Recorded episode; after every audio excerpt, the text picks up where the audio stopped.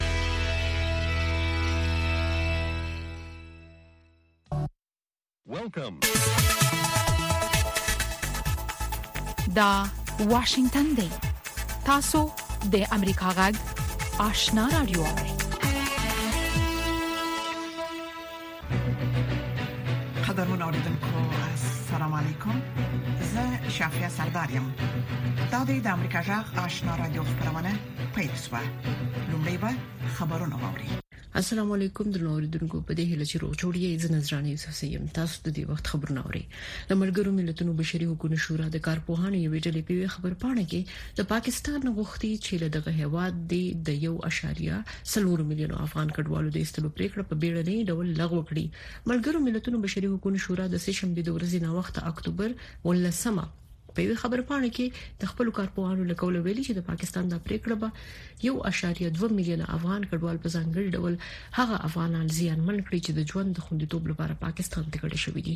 د پاکستان حکومت اعلان کړی دی چې هغه سباند یو اشاریه و میلیونه افغان کډوال به دغه هواد نو ویستل شي چې د اوسېدو قانوني اسناد نه لري په دغه خبرپاڼه کې ویل شوی موږ د پاکستان نه غوښتنه کوو چې د کډوالو په جبري ډول د نشړلو د نه تعدیلونکو اصل څخه په بشپړ ډول ساتنه وکړي او په ډلېز او جبري ډول د ستنېدو مخه دې ونیسي د طالبانو د حکومت ویاند ذبیح الله مجاهد وایي چې د هرات ولایت په ورستیو زلزلو کې د ویجاړو شو کورونو د بیا جوړولو چاري پیل کړي چې په ترڅ کې د جمعې د موسم د پیلې د وړاندې زلزلې زپلو کورنیو له 2000 څخه زیات کورونه په معیاري ډول جوړ شي مجاهد د چهارشنبه په ورځ د ایکس په ټولنیزه شبکه کې په خپل پاڼه لیکلي چې دا کورونه به په معیاري او د خارګوټي په ډول د زلزلې ځپلو لپاره د هرات زندجان ولسوالۍ په سیااب سیمه کې جوړ شي هغه ویلي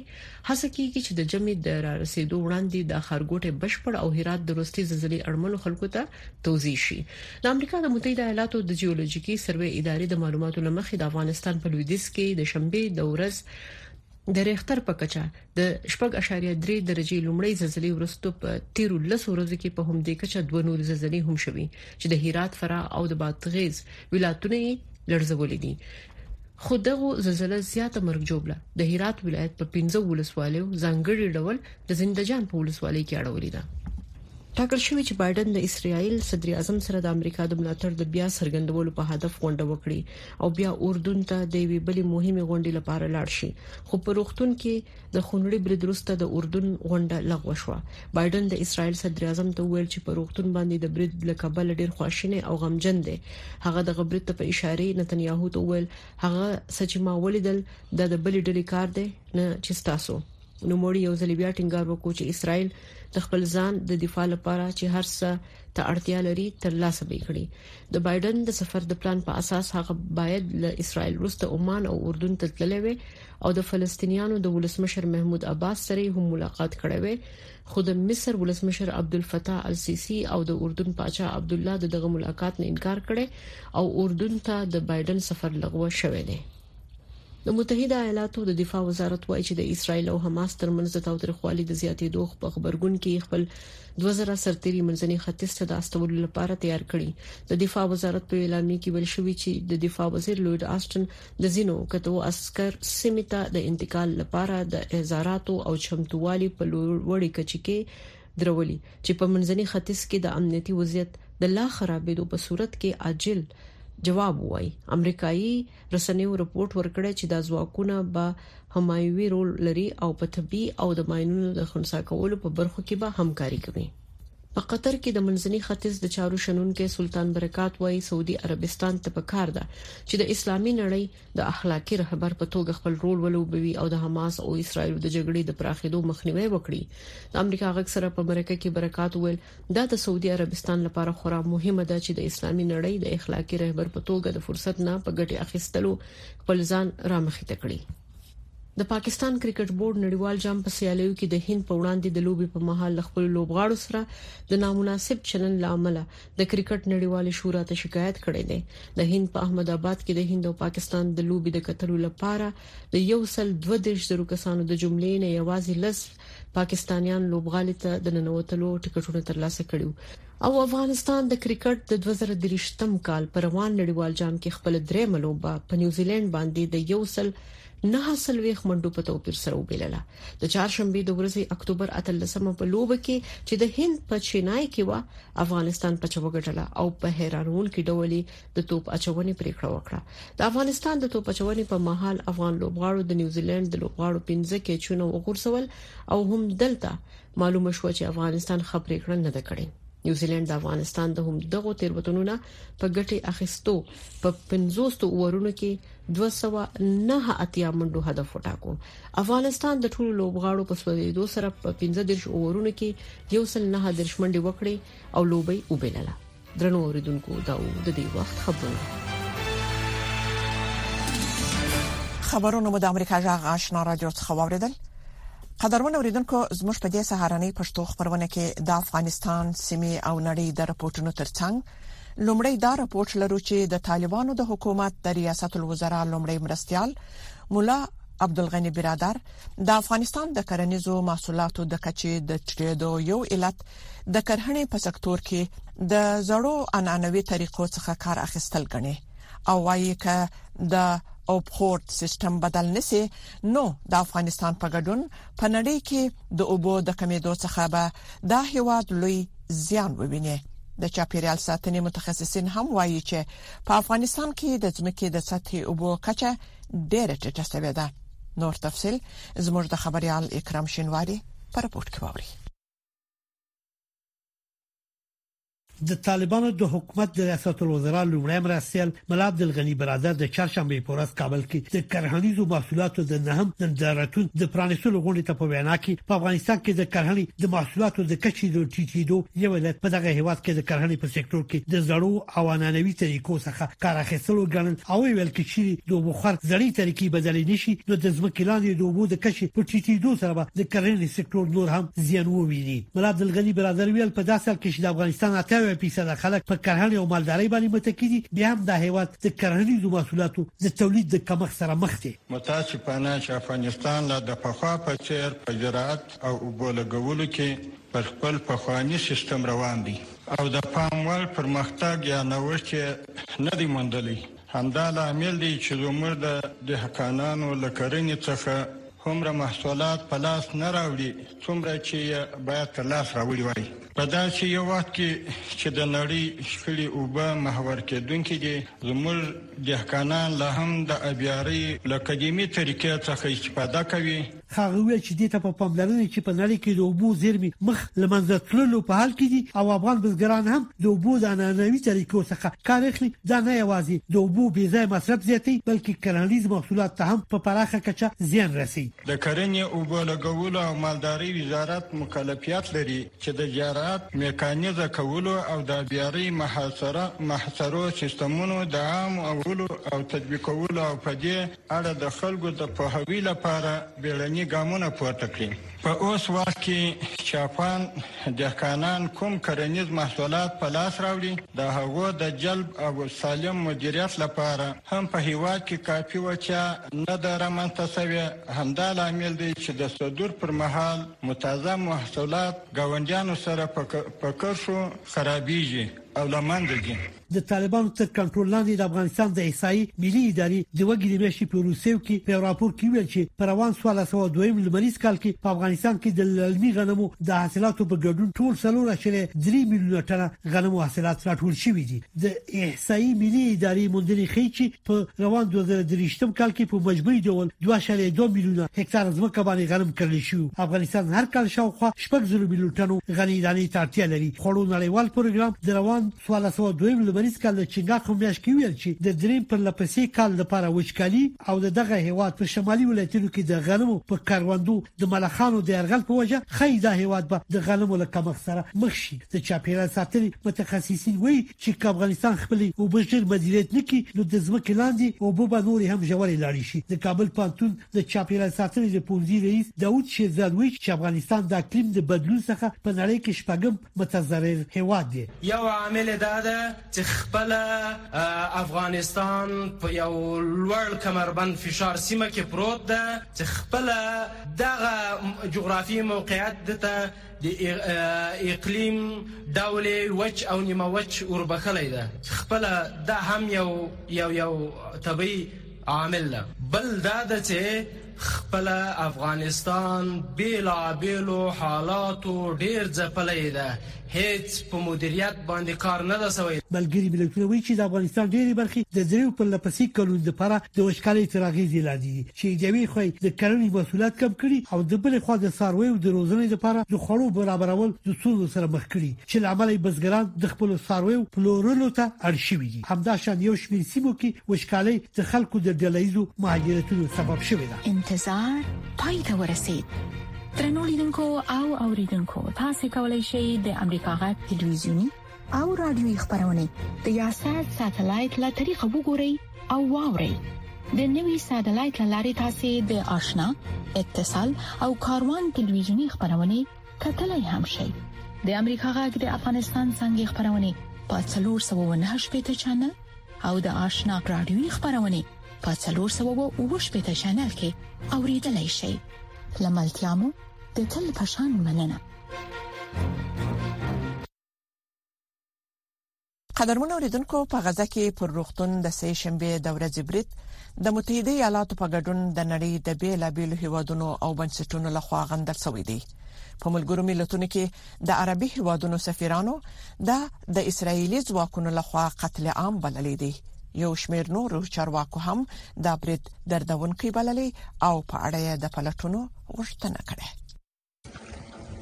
په ملګرو ملتونو کې د عرب ډلې سفیرانو په غزه کې د سه شنبه په ورځ پر یو روغتون برید چې لامل یې کابو 1500 کسان ووژل شول وغانده وی از عرب ګروپ موږ د عرب ډلې په توګه لکه څنګه چې تاسو ټول وینئ یو موټي او د یو روغتون په وړاندې د اسرایلی ځواکونو د قتل عام په وړاندې په غوسه یو په کوم کې چې د لومړنیو معلوماتو له مخې کابو پنځه سوه ملکي کسان په غزه کې زموږ د خلکو په وړاندې د اسرایلي ځواکونو په وحشیانه ناقانونه جنایت کې ټوټه ټوټه او وژل شوي دي د اروپایي کمیسیون مشرې د چهارشنبې په ورځ وویل د غزې په ښار کې د الاهلي په روغتون کې چاودنه ټکان ورکوونکې ده او عاملینو سره باید حساب کتاب وشي Last night, a senseless tragedy تیره شپه یوې بې مانا تراژیدۍ موږ ټولو ته ټکان راکړ. په غزه کې یو روغتون چې سلګونو ټپیانو ته یې ځای ورکړی و، د اور په دوزخ بدل شو. د الاهلي روغتون انځورونه ناوړه او زړه بوږنونکي دي. پر یو روغتون برید چې له ملکي وګړو ډک وي، نشي توجیه کېدای. د ملګرو ملتونو سرمنشي انټونیو ګوتيريش هم ویلي چې د سه شنبه په ورځ د غزې په یو روغتون کې چاودنې چې په سلګونه کسان پکې وژل شوي ټکان ورکړی دی زه په غزه کې پر الاهلي روغتون د برید له امله چې په سلګونه کسان پکې وژل شوي او ما نن وختي وغانده سخت حیران شوی یم زه د عاجل بشري اوربند غوښتنه کوم څو زما دوه غوښتنه چې د انسانانو د ځوریدو کمیدل دي او موږ یې شاهدان یو کافي وخت او فضا مساعده شي د دې برید وروسته د نړۍ په یو شمېر هیوادونو کې ګڼ شمېر کسانو مظاهرې وکړې د لبنان په بیروت کې خلک سړکونو ته راووتل او د فلسطین په پلوي لاریون وکړ موږ نن د شهیدانو لپاره راوتلی یو یوازې یو لار موجوده ده او هغه مقاومت دی نه خبره او نه هم د مشرانو او بل چا غونډه مقاومت د فلسطینیانو لپاره یوازینی لار ده له مقاومت پرته فلسطینیانو ته بل لار نشته هغه څه چې د اسرایل دولت کوي د حماس د برید په وړاندې ناسم ځواب دی موږ دلته راغونډ شوي یو څو د فلسطینیانو ملاتړ وکړو کوم چې د خپلې خاورې خپلو تصامیمو او په مجموع کې په سوله کې د ژوند حق لري ملاتړ وکړو حماس په روختون کې چاودنه د اسرایل د هوایي برید لامل غني خو د اسرایل پوځ وایي روختون د فلسطیني اورپکو لخوا په خطا پر راکټ وشتل شوې دی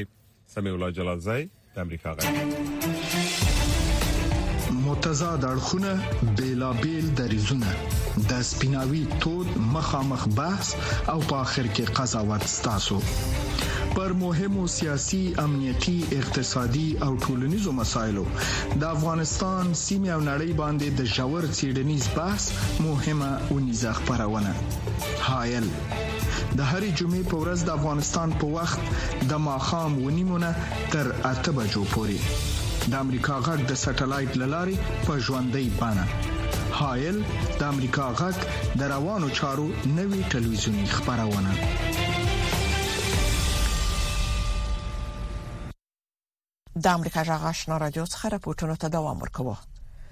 په غزا کې پر روغتون د سې شنبه د ورځې برید د متحده ایالاتو په ګډون د نړۍ د بیلابیل هیوادونو او بنسټونو لخوا غندل شوې دي په ملګرو ملتونو کې د عربي هیوادونو سفیرانو دا د اسرایلی ځواکونو لخوا قتل عام بللې دي یو شمیر نور چارواکو هم د برید تکان ورکونکو بللې او په اړه د پلاتونو غوښتنه کړې اسرائیل د غزې په تړانګ د ځمکني برید لپاره چمتووالی نیسي او د اسرائیل په شمالي گاوند کې د لبنان وسلوالې سیاسي ډلې حزب الله ویلي چې د اسرائیل د اقدام به جګړې ته د دوی د داخليدو لامل شي د اسرائیل او لبنان ترمنځ پوله لکلونو رئیسې کړکیچنه ده د اسرائیل دفاعي ځواکونه او حزب الله کله ناکله پر یو بل دزې کوي تر اوسه پورې دواړو خواو د کلتیا قواعد چې د بشپړې جګړې د رامنځته کېدو د مخنیوي لپاره جوړ شوي مراعات کړي دي خو لا د مخه د اسرایل او حماس د جګړې په لومړیو څو ورځو کې له اسرایل سره د لبنان په پوله کې توتریخوالی د پام وړ زیات شوی چې د پولې دواړو غاړو ته مرګ ژوبله اړولې ده د شخړو د پخوانیو مقرراتو په پرتله په تیر دوه ورځو کې شوې بریدونه زیات شوي او زه فکر کوم چې راتلونکي شخړې او تاوتریخواله به هم په همدغه کچه وي خو پوښتنه دا ده چې آیا دواړه خواوې لیوالې دي چې د دې محدوده فضا کې وساتي په لبنان کې دننه حزب الله د هغو کسانو له ملاتړه برخمن دی چې د یوې عادلانه دفاعي وسیلې په توګه ورته ګوري دا سمنه ده چې اسرائیل د فلسطین خلکو ماشومان او ملکی وګړو ته زیان ورسوي جګړه باید د دوو پوځونو ترمنځ وي په 2006 کال کې ورستای ځل دواړه خواو جګړه وکړه او نه غواړي چې په یوې بلې جګړې کې ښکیل شي. موږ ویره لرو، جګړه به زموږ کورونه وران کړي، زموږ هیواد به تباه کړي، موږ ډیر وزغمل، بیا جګړه نه غواړو. د لبنان او اسرائیل ترمنځ احتمالي ویجاړونکې جګړه به د هیواد د نازک داخلي نظم لپاره جدي پایلې ولري. که چیرې د دوه زره شپږم کال په څیر د اسرایلو پراخې بمبارۍ وشي په لبنان کې به د یوې لویې تباهۍ لامل شي. دا ډول اقدام به د لبنان په کورني سیاست کې ډیر څه بدل کړي. داسې بریښي چې د حزب الله ډله د لبنانیانو د اندیښنو پروا نه لري. د دې ډلې یو جګپوړي قوماندان په دې وروستیو کې امریکا غږ ته وویل چې ګوندې په بیروت کې د نورو لبناني ډلو څخه د خپلو ملاتړو د دفاع لپاره بشپړ چمتووالی لري. لبنان اوس هم له ژور ټولنیز او اقتصادي کړکېچ سره مخ دی او د جګړې وروسته د بیا رغونې توان نه لري. په کور دننه د جګړې اوږدمهالې پایلې او بیا رغونه به د حزب الله په وړتیا پورې اړه ولري.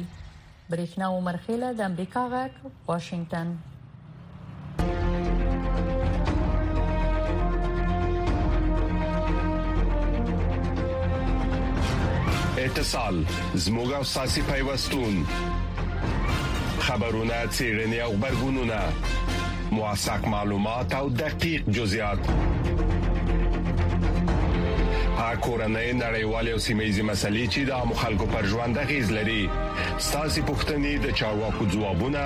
او د پوهانو سپارښتنې لې یک شنبه تر پنځ شنبه هر مخام په شپږ بجو او دې شو دقیقو له واشنگټن څخه پر ژوندې بڼه د ساتلایت ټلویزیون او ټولنیزو شبکو لاري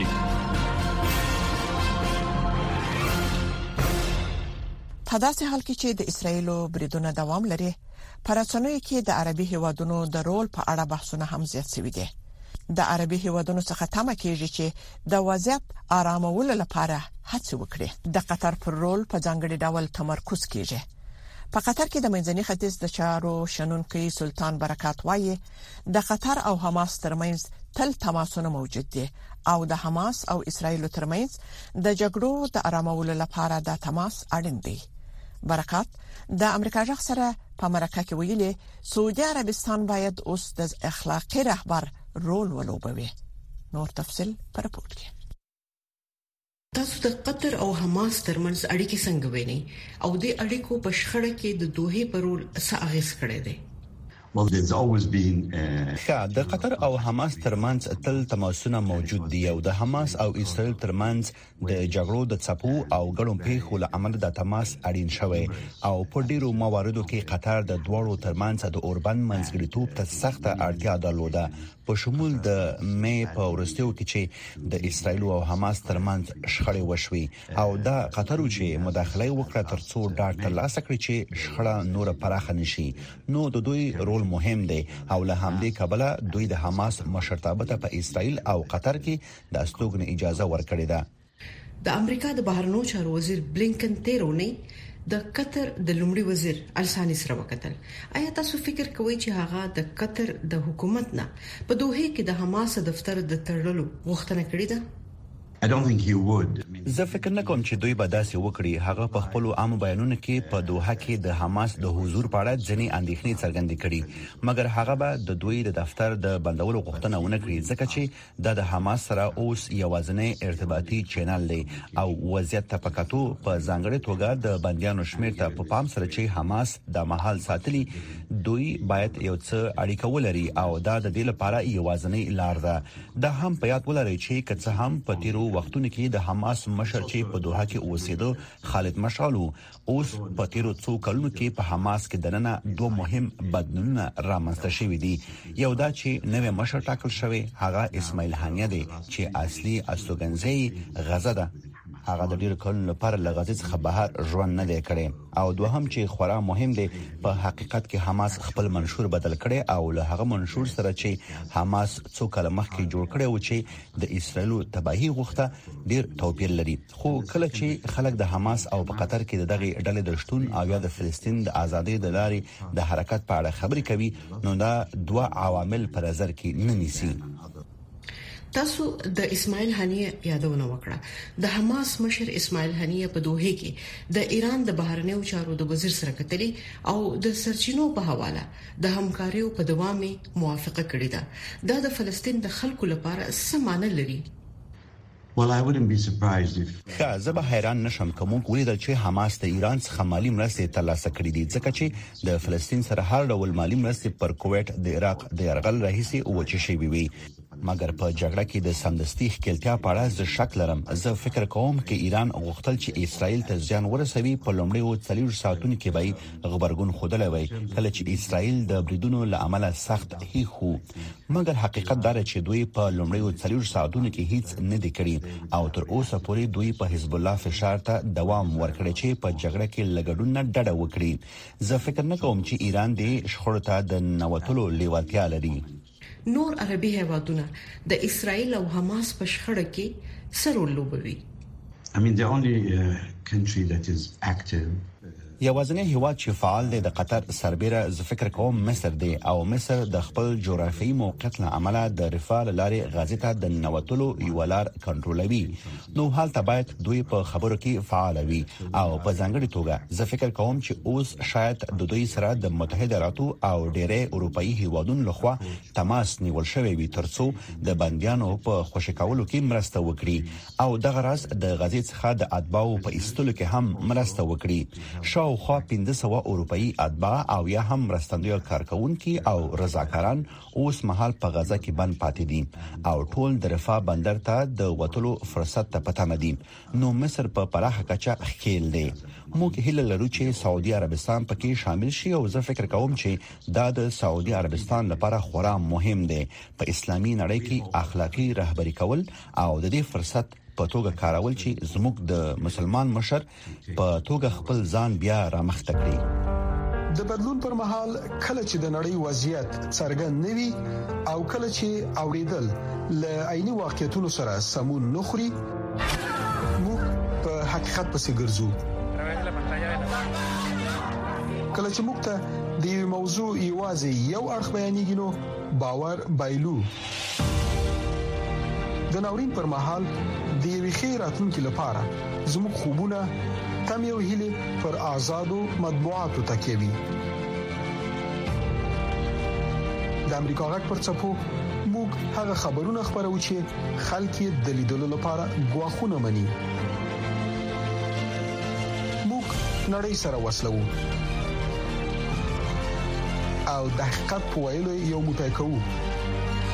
د امریکا غږ لاري موږ بشپړ انزور درکو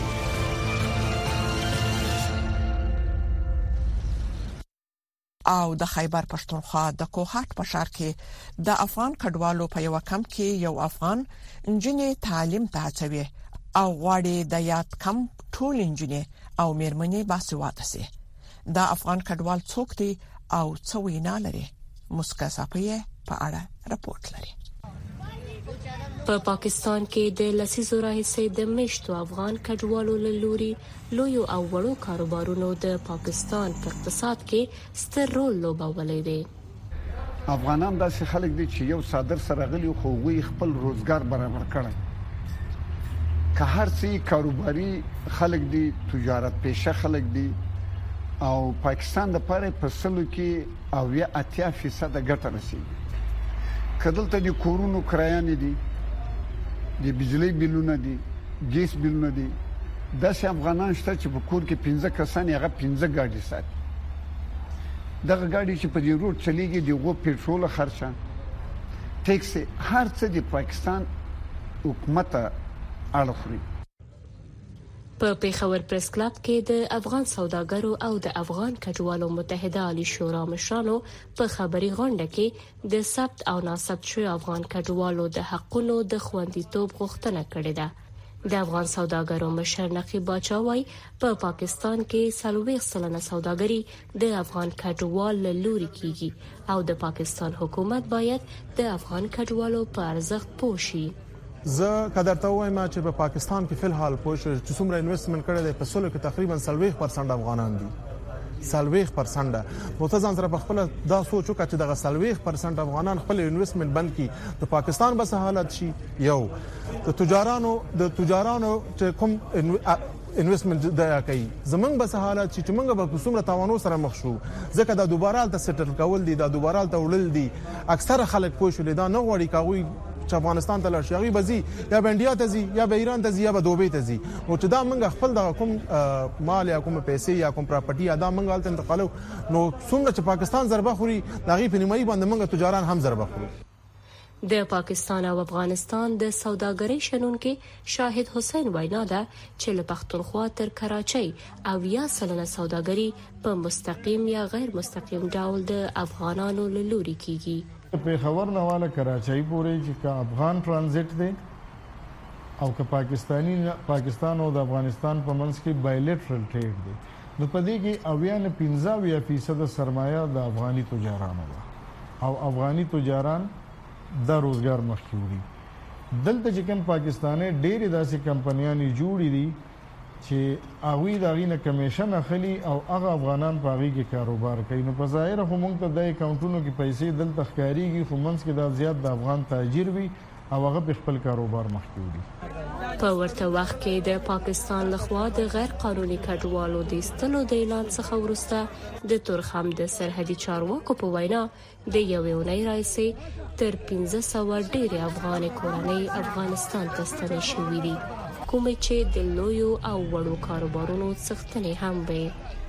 د افغان کډوالو د خوندیتوب لپاره د نړیوالو ادارو له لوري د غبرګونونو تر څنګ لاریونونه هم شوي دي، خو بیا هم د پاکستان د دولت له خوا د کډوالو د شړلو په اړه شوې پرېکړه نه ده بدله شوې او دا چې په نومبر میاشت کې به دغو کډوالو سره څه چلند کېږي، وخت به یې معلومه کړي. مصطفی ساپی، امریکا غږ، پېښور.